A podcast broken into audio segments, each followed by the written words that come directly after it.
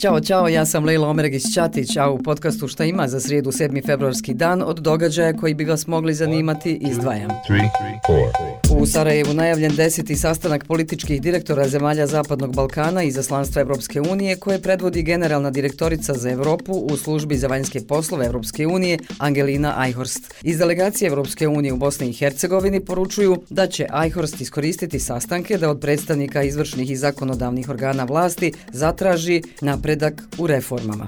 Podsjećam, Evropsko vijeće u decembru 23. odlučilo da će početi pristupne pregovore sa Bosnom i Hercegovinom kada se postigne potreban stepen usklađenosti sa zahtjevima za članstvo, a komisija svoj izvještaj o napretku podnosi Evropskom vijeću najkasnije u martu ove godine. Od ovih političkih događaja, što bi vas moglo zanimati, a da ja znam, evo još da najavim da će se javnosti obratiti predsjednik HDZ-a Dragan Čović, a najavljeno je da će govoriti o aktuelnoj političkoj situaciji.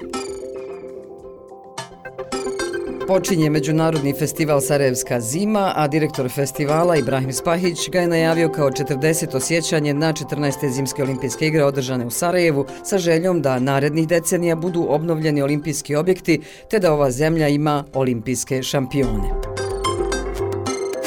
Vid mu glave, udubljivanje u složenost ljudskog života. To je naziv izložbe skulptura i slika Aleksandre Kokotović, koja će biti otvorena u umjetničkoj galeriji Bosne i Hercegovine. U opisu izložbe navodi se da ova eklektična izložba služi kao dirljiva refleksija o zamršenosti ljudskog postojanja i našem dubokom odnosu sa prirodnim svijetom. Izložba, kažu, poziva gledaoce da krenu na putovanje samootkrivanja ekološke svijesti, na kraju podlačeći duboko ukorijenjenu harmoniju između čovečanstva i prirodnog carstva. государства. A za one koji vole košarku i Džanana Musu, Španska košarkaška liga ACB najavila je premjerno prikazivanje dokumentarnog filma o 24-godišnjem bosansko-hercegovačkom košarkaškom reprezentativcu. Film Brate je priča o talentovanom igraču koji je na velika vrata ušao u NBA pa se vratio u evropskog prvaka, a onda potpisao za debitanta u Španskoj ligi. Njegov igrački put prema dolasku u Real Madrid, s kojim je osvojio prošle sezone Euroligu, ACB liga nazvala je filmskom pričom. Film će biti prikazan u 20 21 sat na službenom YouTube kanalu ACB Lige.